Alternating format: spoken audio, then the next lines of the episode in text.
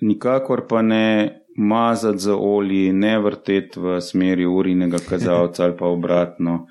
Tudi kakšna uporaba specialnih kleščic za mrzovanje in to, to so vse specialni komercialni triki.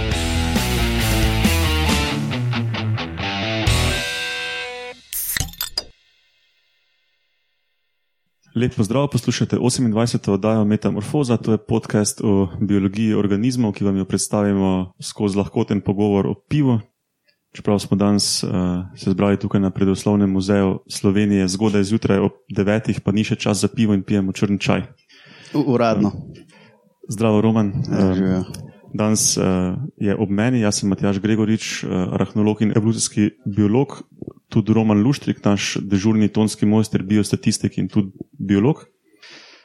Kot gost pa se nam je pridružil dr. Tomi Trilar, ki je muzejski svetnik in vodja kustodijata za nevretenčarje. Zdravo, Tomi. Lepo pozdravljeni. Hvala, da si si vzel čas. Torej, danes bomo kršili to klasično formo novic, um, zanimivosti in bizarnih uh, posebnežev in bomo govorili celo oddajo samo o klopih.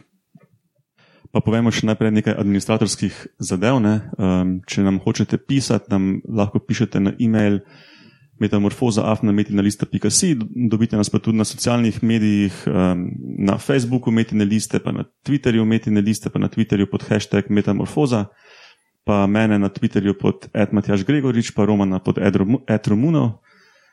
Um, ja, um, Facebook imamo, to pa nisem. Ja. ne, na Facebooku Metine liste. Aha, nima, okay, aha, ok. Ja, nima ga Metamorfoza. Ja.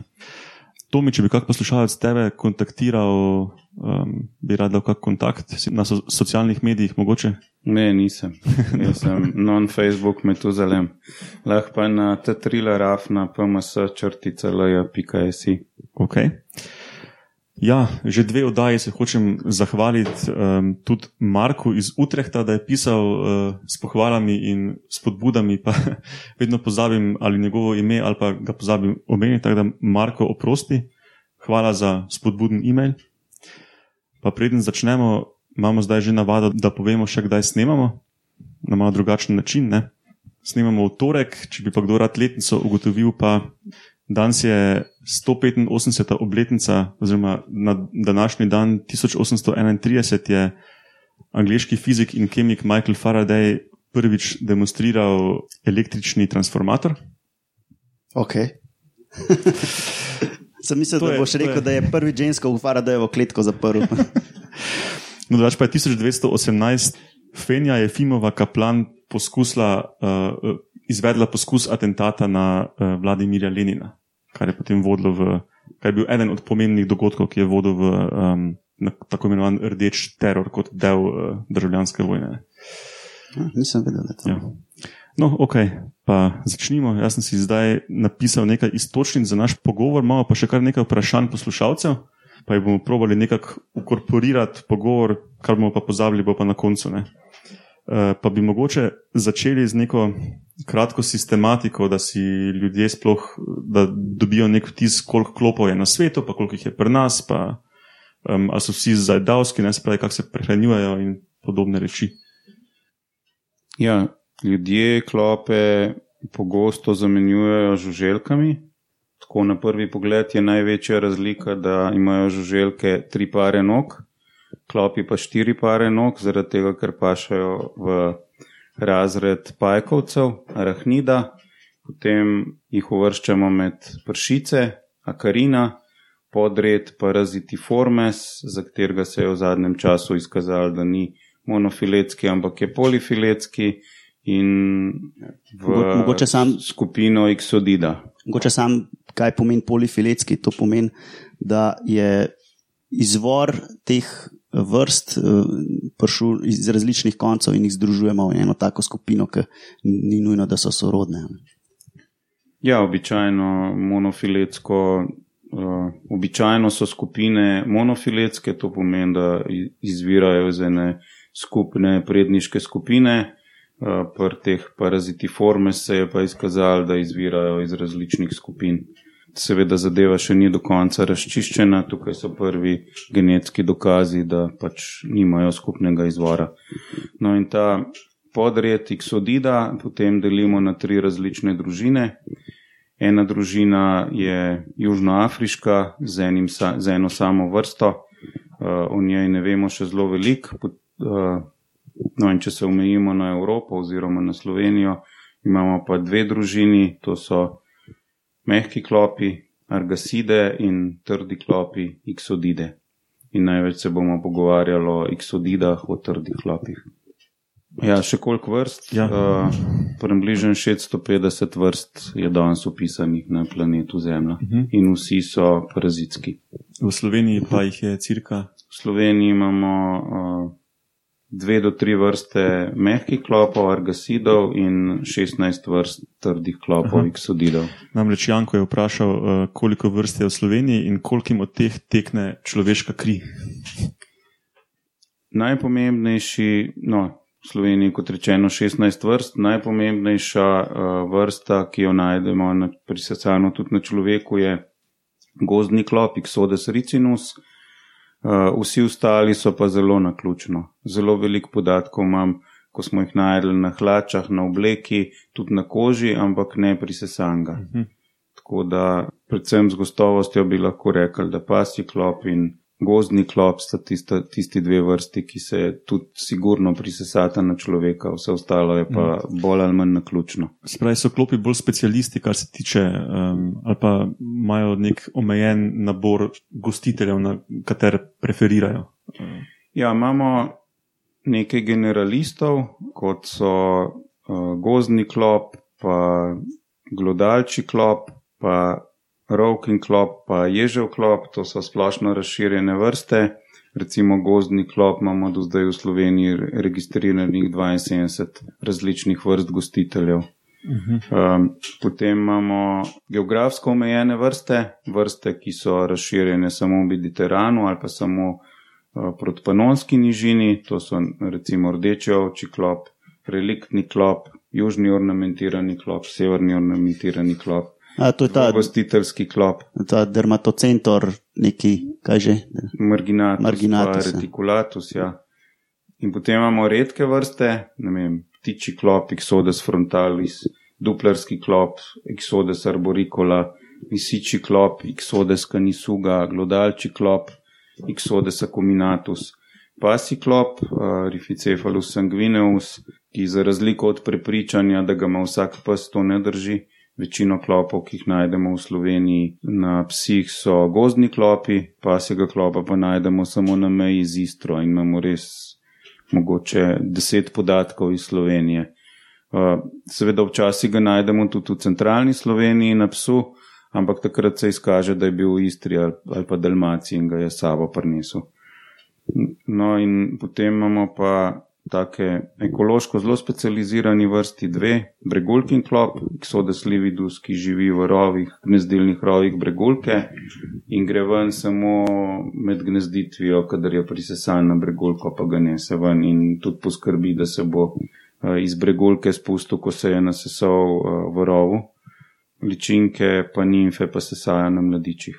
In pa netopirskega klopa, ki je prava troglobionska vrsta z vsemi troglobionskimi značilnostmi, eh, sesana na netopirjih eh, in gre tudi ven samo takrat, kadar ga netopir nese pri sesanju in tudi poskrbi, da se spusti, ko se nasesa dol iz netopirja v jami.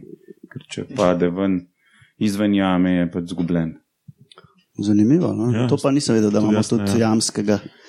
Um, A bi mogoče kaj povedali o razvojnem ciklu? Ja, tudi to je. Ali se čemo prej, jaz imam eno vprašanje, ki se jim kak na to specializacijo navezuje.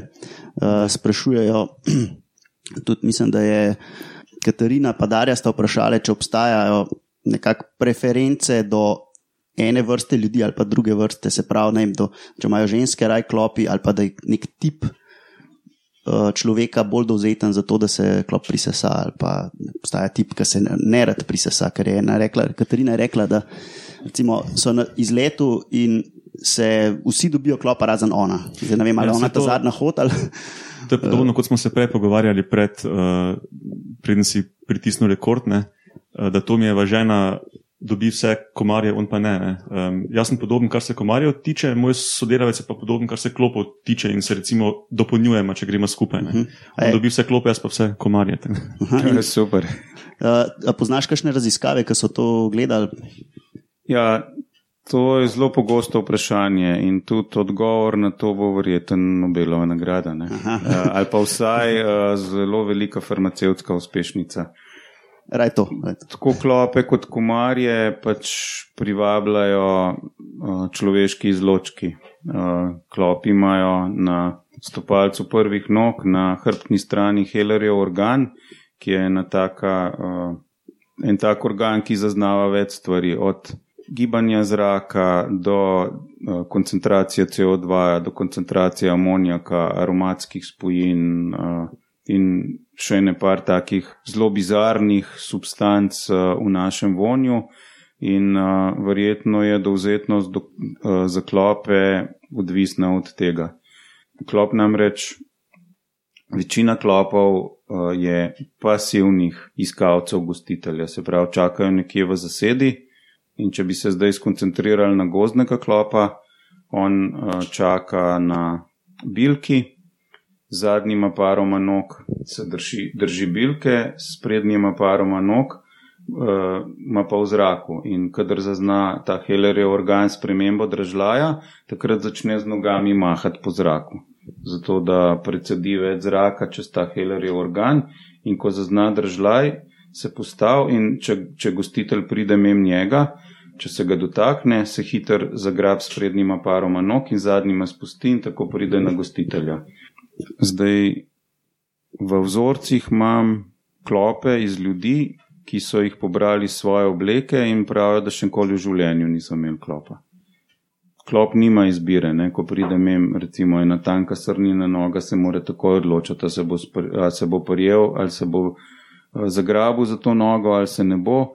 In če je zamudil to priložnost, je lahko zamudil življenjsko priložnost. Ne? Mogoče ima samo enkrat v življenju. No, tudi mimo grede tudi izkoriščamo za njihovo nabiranje. Rjuho vlečemo po vegetaciji, ki simulira gibanje. In, uh, ko pride rjuha, ki ima seveda večjo površino kot ena gostiteljeva noga, se klop prime na rjuho in na ta način zaznamo, koliko jih je kje.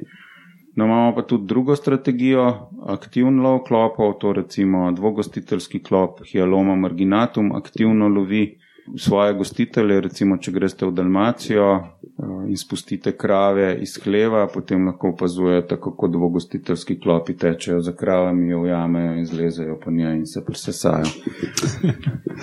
Raziskav je velik, kaj so točno tiste kemikalije, ki jih klopi zaznavajo, in kaj je točno tisto, ko pride na človeka in se odloči, da, da se bo presesal, oziroma se odloči, da se bo spustil nazaj v vegetacijo, ker mu gostitelj oziroma človek ne paše, ni pa seveda še dokončnega odgovora. No, Zaenkrat se kot repelenti še zmeraj uporabljajo razne kemikalije, ki so znane, da odvračajo klope, nikakor pa ne neke modifikacije stvari, ki jih privabljajo, da bi jih lahko recimo aktivno lovili na nekem področju, da bi jih uh, s kakšno modifikacijo odvračali ali pa koncentrirali vem, na en del telesa, pa jih ja, ja. tam polovili. Zanimivo. No, če smo zdaj že pri tem, tem lahko še uh, dam vprašanje, ki ga je postavil uradni Twitter račun ZRC SAZU.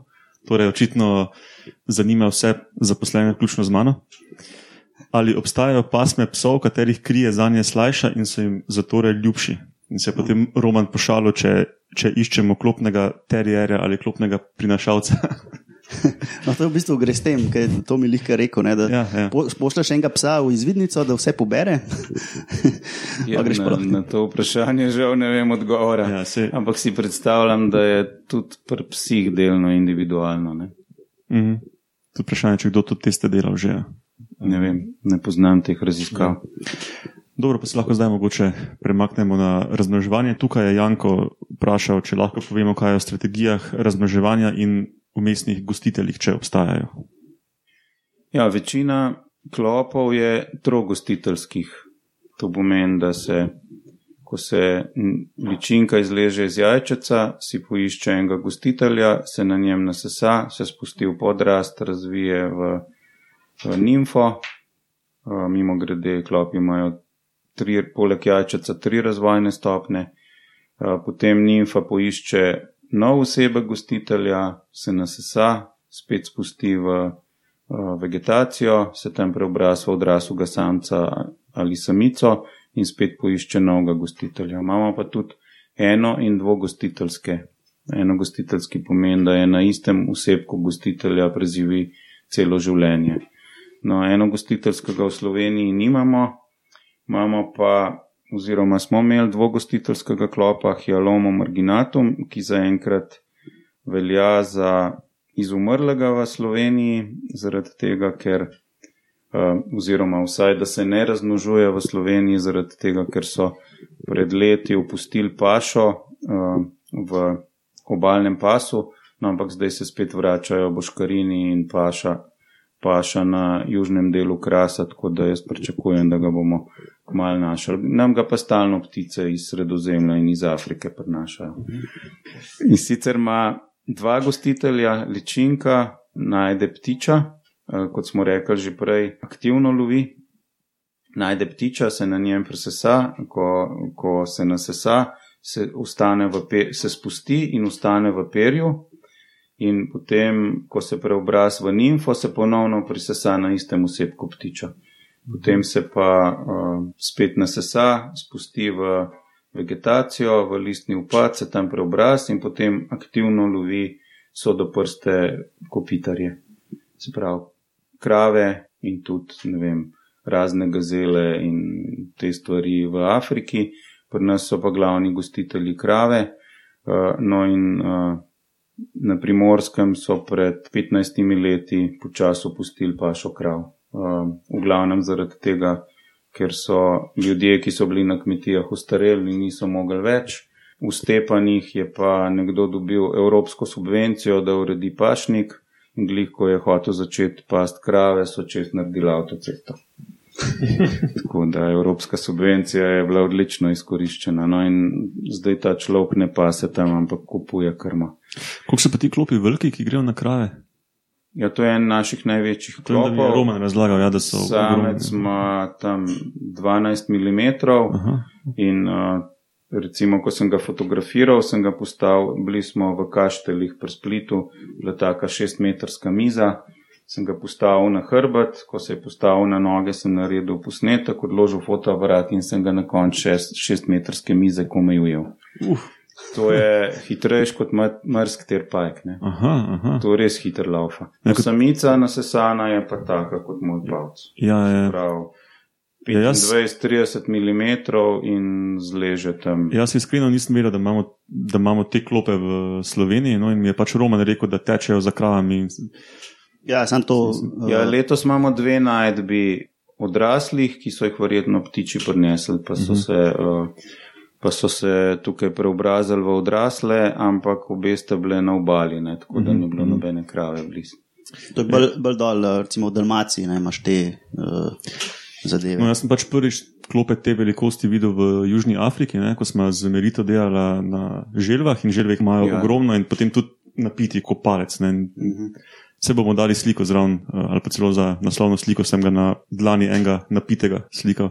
No, tisti so tudi tekli pod narekovanjem, no, za tistimi želbami, ampak bistveno bolj počasi, zato si nisem jaz predstavljal, sploh, da to res tako hitro no, teče.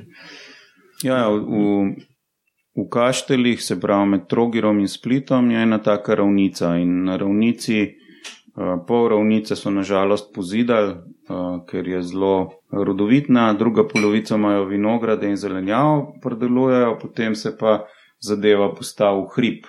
In tam na meji med hribom in ravnico so kmetije, in gor v hribu pasejo krave. In če tam krav stalno ne tretirajo z raznimi akaricidi, imajo toliko klopov, da ne morejo preživeti. Recimo, uh, ko smo mi prišli v Zorčat, smo se z lokalnimi kmeti zmenili, da tri dni niso tretirali in je bilo med vimenom, seveda sodobne mlekarske vrste krav imajo tako vimen, da se ne more niti polizati, niti popraskati med stegnom in vimenom, ker ni prostora, je bilo po 60 klopov na stegnu in na vimenu v treh dneh.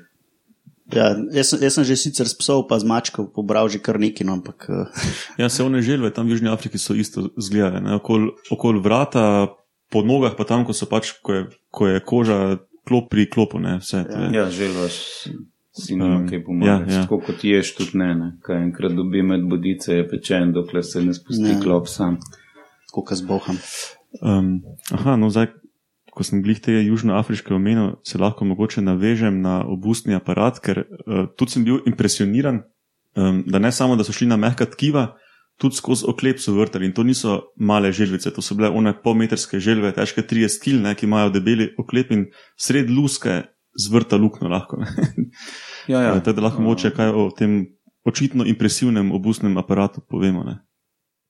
Ja, na, na glavi je več okončin in e, ena od njih je budal, bodalce, ki skrbi za to, da predre kožo. Zdaj, nekatere vrste imajo zelo tako. Um, nežno budalce in res zabadajo samo na najmehkejše dele, nekatere vrste so pa pač specializirane na bolj zahtevne gostitelje, kot so želve in imajo budalce zelo uklepljeno in uh, zadaj so seveda tudi zelo uh, močne mišice, ki poskrbijo, da prodre. Budalce je običajno v obliki harpune.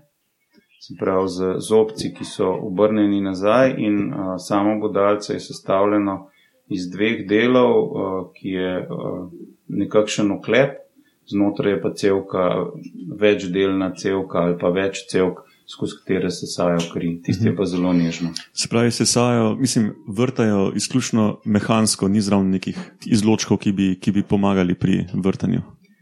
Ne, samo zabadanje je mehansko. Izločki nastanejo šele, iz, izločijo šele takrat, ko zabodajo, ko tik preden začnejo sesati izločki so namenjeni predvsem temu, da ne prihaja do starjevanja krvi. Uh -huh. uh, kako pa izvlečejo to harpunasto bodalo, glede na to, da ima trne, ki so zavihani tako, da se ga težko izvleče?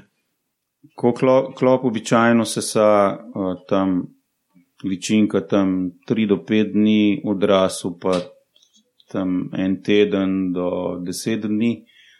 In v tem času zaradi izločkov in zaradi draženja nastane nekroza tkiva. Ne? In nekroza tkiva je tako velika, da potem mm -hmm. lahko mirno izlo, izvleče svoje, ta svoj rilček.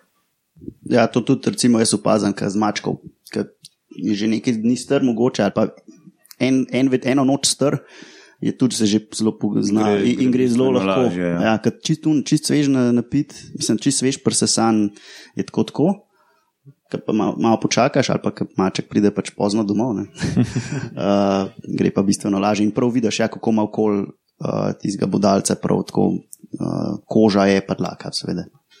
Zanimivo. Ja, napiti se bistveno lažje uh, potegnejo ven kot sveže presesanje. Okay. Mene bi še zanimalo, če imamo, če pri klopih mogoče podobno kot pri komarjih, glede na to, da so obojni vektori za neke bolezni. Ne? Če imamo kakšne invazivne vrste, ki, ki jih je človek pomagal prinesti, kot recimo tigrasti komar, pa če mogoče potem ti klopi prinašajo neke nove bolezni, ali pa če se mogoče za globalnimi spremembami širi areal um, kakih vrst, ki, potencial, ki potencialno prinašajo kakšne nove probleme za nas. No, kar se tiče Slovenije, imamo srečo, nimamo nobene tuje rodne invazivne vrste, tudi v Evropi ne poznam. Je pa znano tudi iz Evrope, predvsem pa iz Amerike, da se je z razno raznimi ekološkimi spremembami, da so se razširili gostitelji in z njimi tudi klopi in na ta način tudi nekatere bolezni. Recimo en tak, uh, zaenkrat še mečken špekulativno, ampak uh, en tak trigger je bil iztrebljenje uh, goloba selca. Mhm. Golo, za goloba selca v Združenih državah Amerike vemo, da je bil Eh, da je živel v velikih jatah, da ko je bila selitev, se je za nekaj dni, ba je sonce prekrilo, eh, ko so te milijonske jate letele na jug in te milijonske jate so živele v hrastovih gozdovih in so se hranile semeni hrastovimi, pač z neke vrste želodi.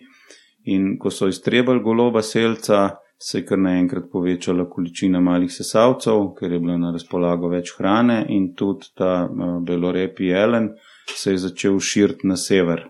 In z njim se je začel, se je, sta se začele širiti dve vrsti uh, klopa, ki prenašati borelijo. Ne? In na ta -huh. način so, uh, je recimo Kanada, ima zdaj borelijo, ki je bila prej 400 km stran.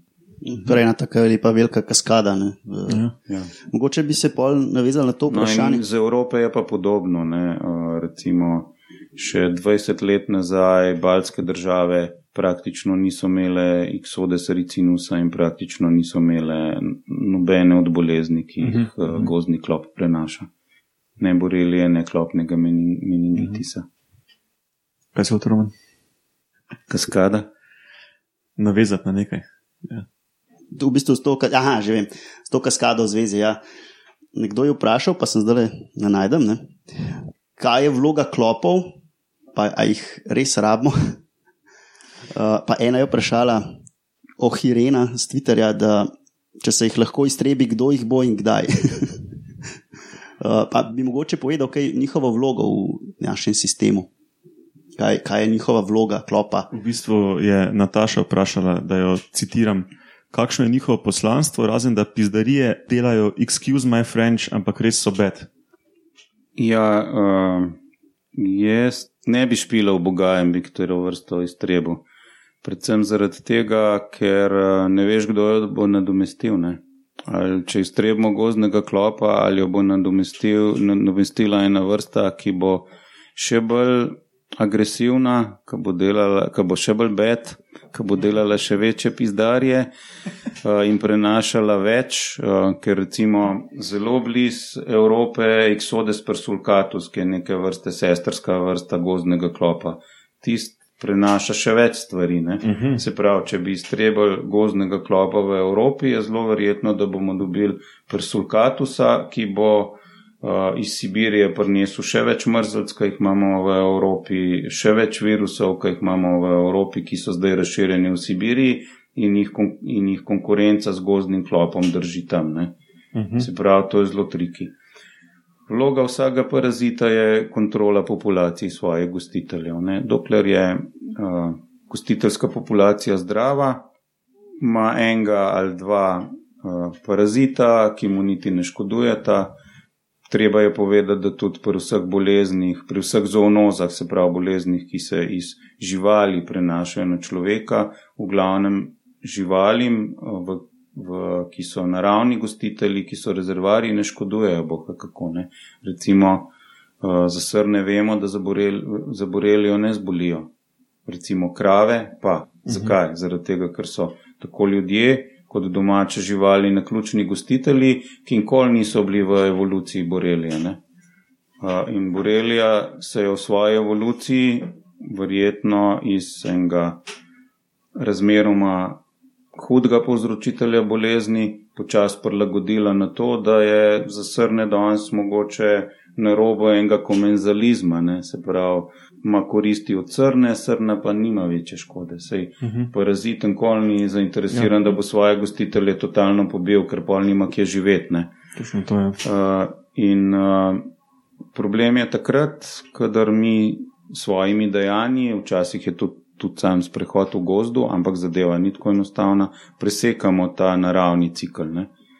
Nažalost je tako, da smo v Sloveniji povzročili to, da se je zelo povečala populacija jelenjadi in srnjadi. In uh, to so glavni gostitelji za odrasle gozdne klope, in zaradi tega se je tudi populacija klopov zelo povečala. Ne? In če želimo znižati na nivo iz mojega otroštva, uh, potem moramo znižati populacijo eh, eh, jelenjadi in srnjadi in tako bomo znižali tudi količino gozdnih klopov. Mhm. Recimo iz otroštva se spomnim, da smo s kmeti grebili steljo po gozdu in se potem v tistem kopu stelje igrali po cele dneve in jaz spomnim enega, mogoče dveh klopov. Danes mm -hmm. to naredi, boš imel sto. Ja, jaz se izbajte stopam, pa ga bom dobil. Ja. to... to se je res drastično spremenilo.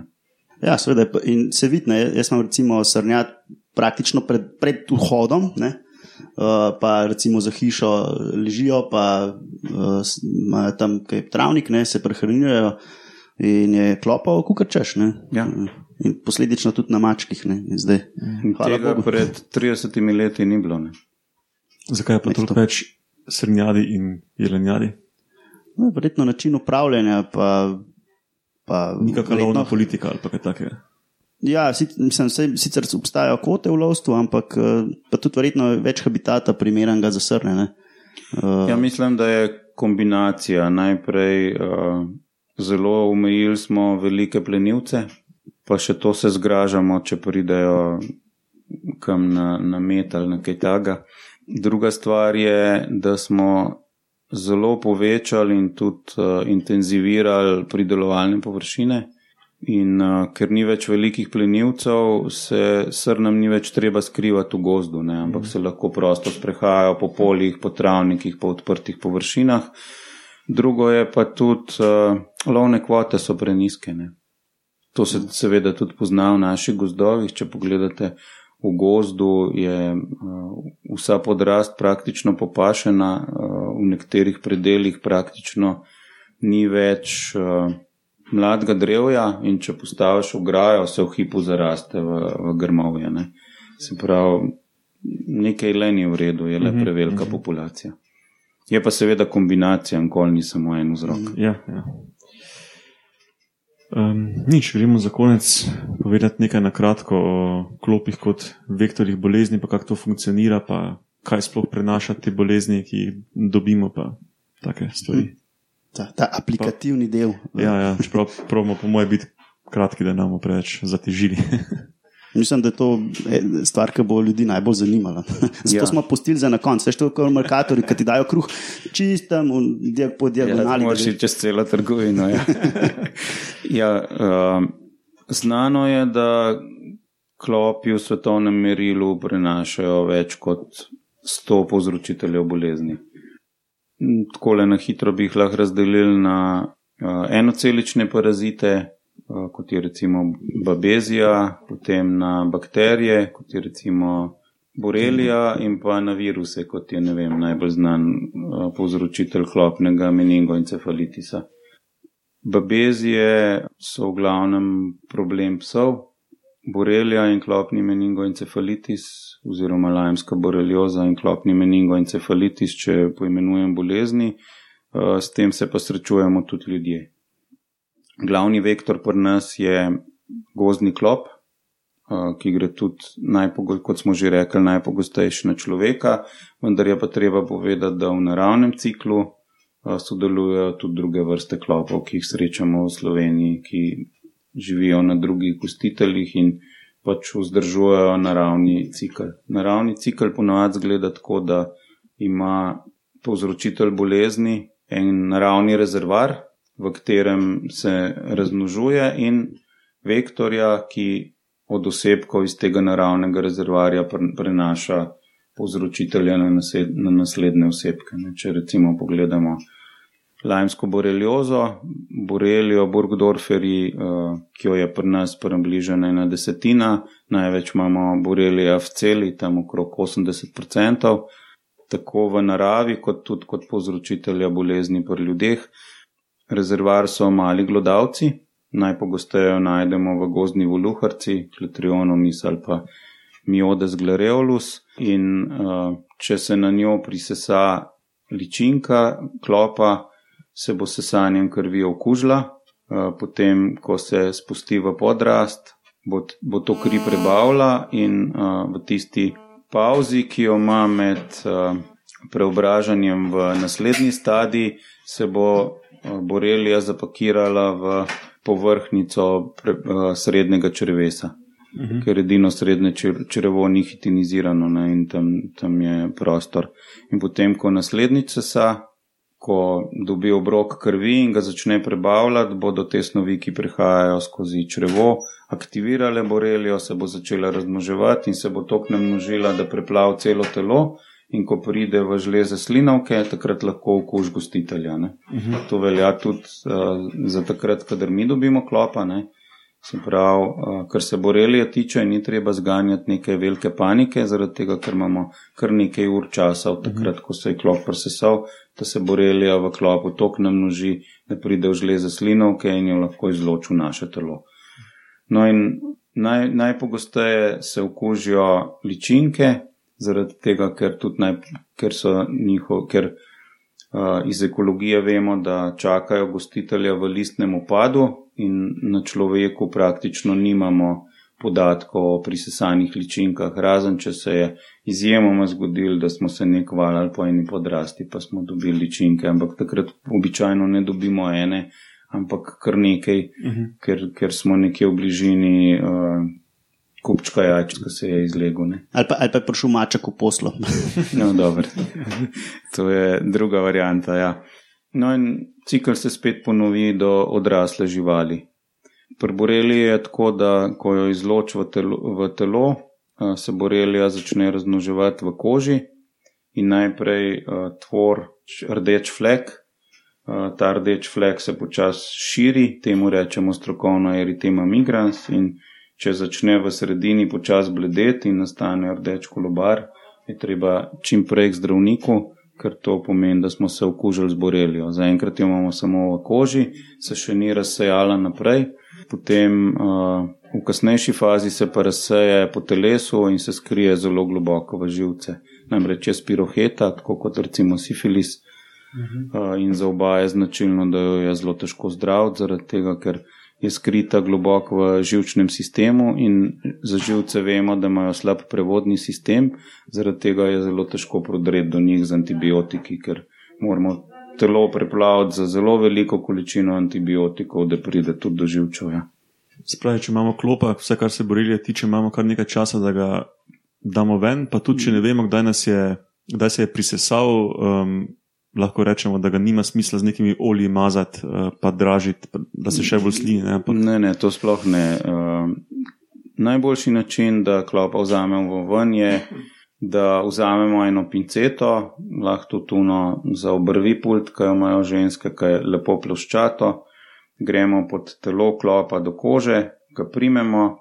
Potegnemo to, da se rahlo napne koža, in potem sunkovito cuknemo. Ne potem pogledamo, če je kaj noter ustal. Če, je, če vidimo pikico in dve taki nitki, levo in desno, to so palpi, to pomeni, da je noter ustala koža in tudi žleze slinovke v glavi. Ne. Takrat še enkrat primemo in potegnemo ven. Če pa vidimo, vidimo samo drobno pikico, pa pomeni, da je noter ustalo bodalce, to je pa tako, kot bi se na vrtnico zbodil, nobene panike, to bo šlo samo ven, mm -hmm. ko mhm. se bo mal zagnojil in uh, zato ni treba hoditi k zdravniku ali pa kakšno paniko zganja. Mm. Če pa slučajno na takem mestu, da ga ne morete odstraniti, je pa treba iti k zdravniku, da ga pač on z kakšno bolj kirurško metodo mm. spraven. Nikakor pa ne mazati za olji, ne vrteti v smeri urinega kazalca ali pa obratno. Tudi kakšna uporaba specialnih kleščic, zamrzovanja in to, to so vse specialni komercialni triki, na katerem služijo, vse to tudi povzroča, da se klop vznemiri in uh, izloči več sline, in s tem povečamo možnost, da nas bo okužil. Če nekaj bi rekel, uh, klopi čakajo nekako uh, odrasli, nekako do velikosti, do višine bokov. Nimfe nekako do višine kolen v vegetaciji, ličinke smo pa že rekli, da so v listnem upadu. Nikakor pa ne skačajo iz dreves, uh mhm. -huh. tako kot nekatere ljudske vraže, prav in kot je napisan tudi v nekaterih naših učbenikih. To so tudi meni učili, ko sem bil mali.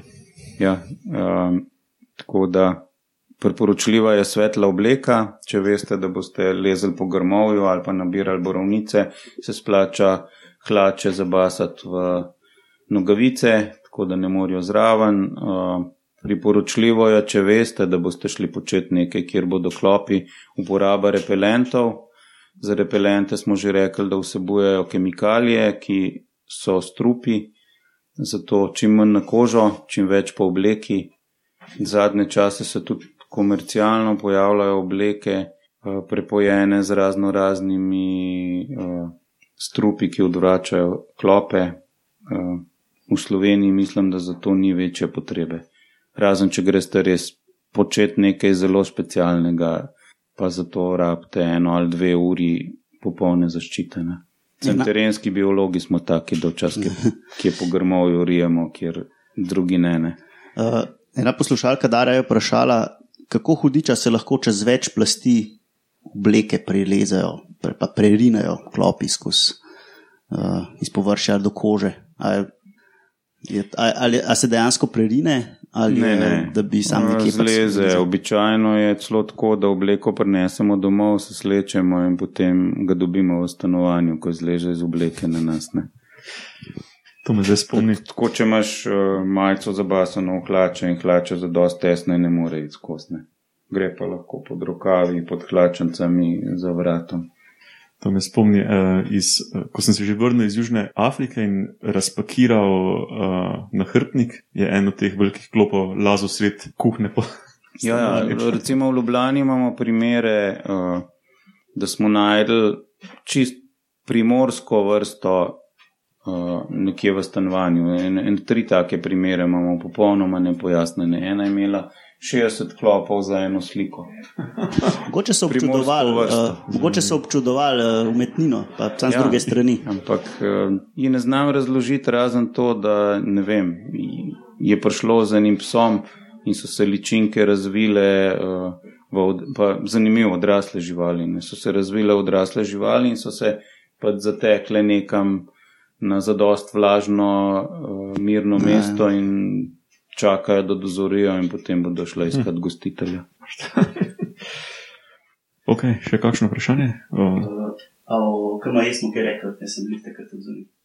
Ne, v klopnem meningoencefalitisu nismo nič povedali. Ja, to je virusna bolezen, ki jo povzročajo virusi iz družine flavivirusov. Pri virusnih boleznih je tako, da pač počakamo, da mine, ker na nje antibiotiki, za razliko od bakterij, ne primejo, tako da pač uh, blažimo stranske efekte bolezni.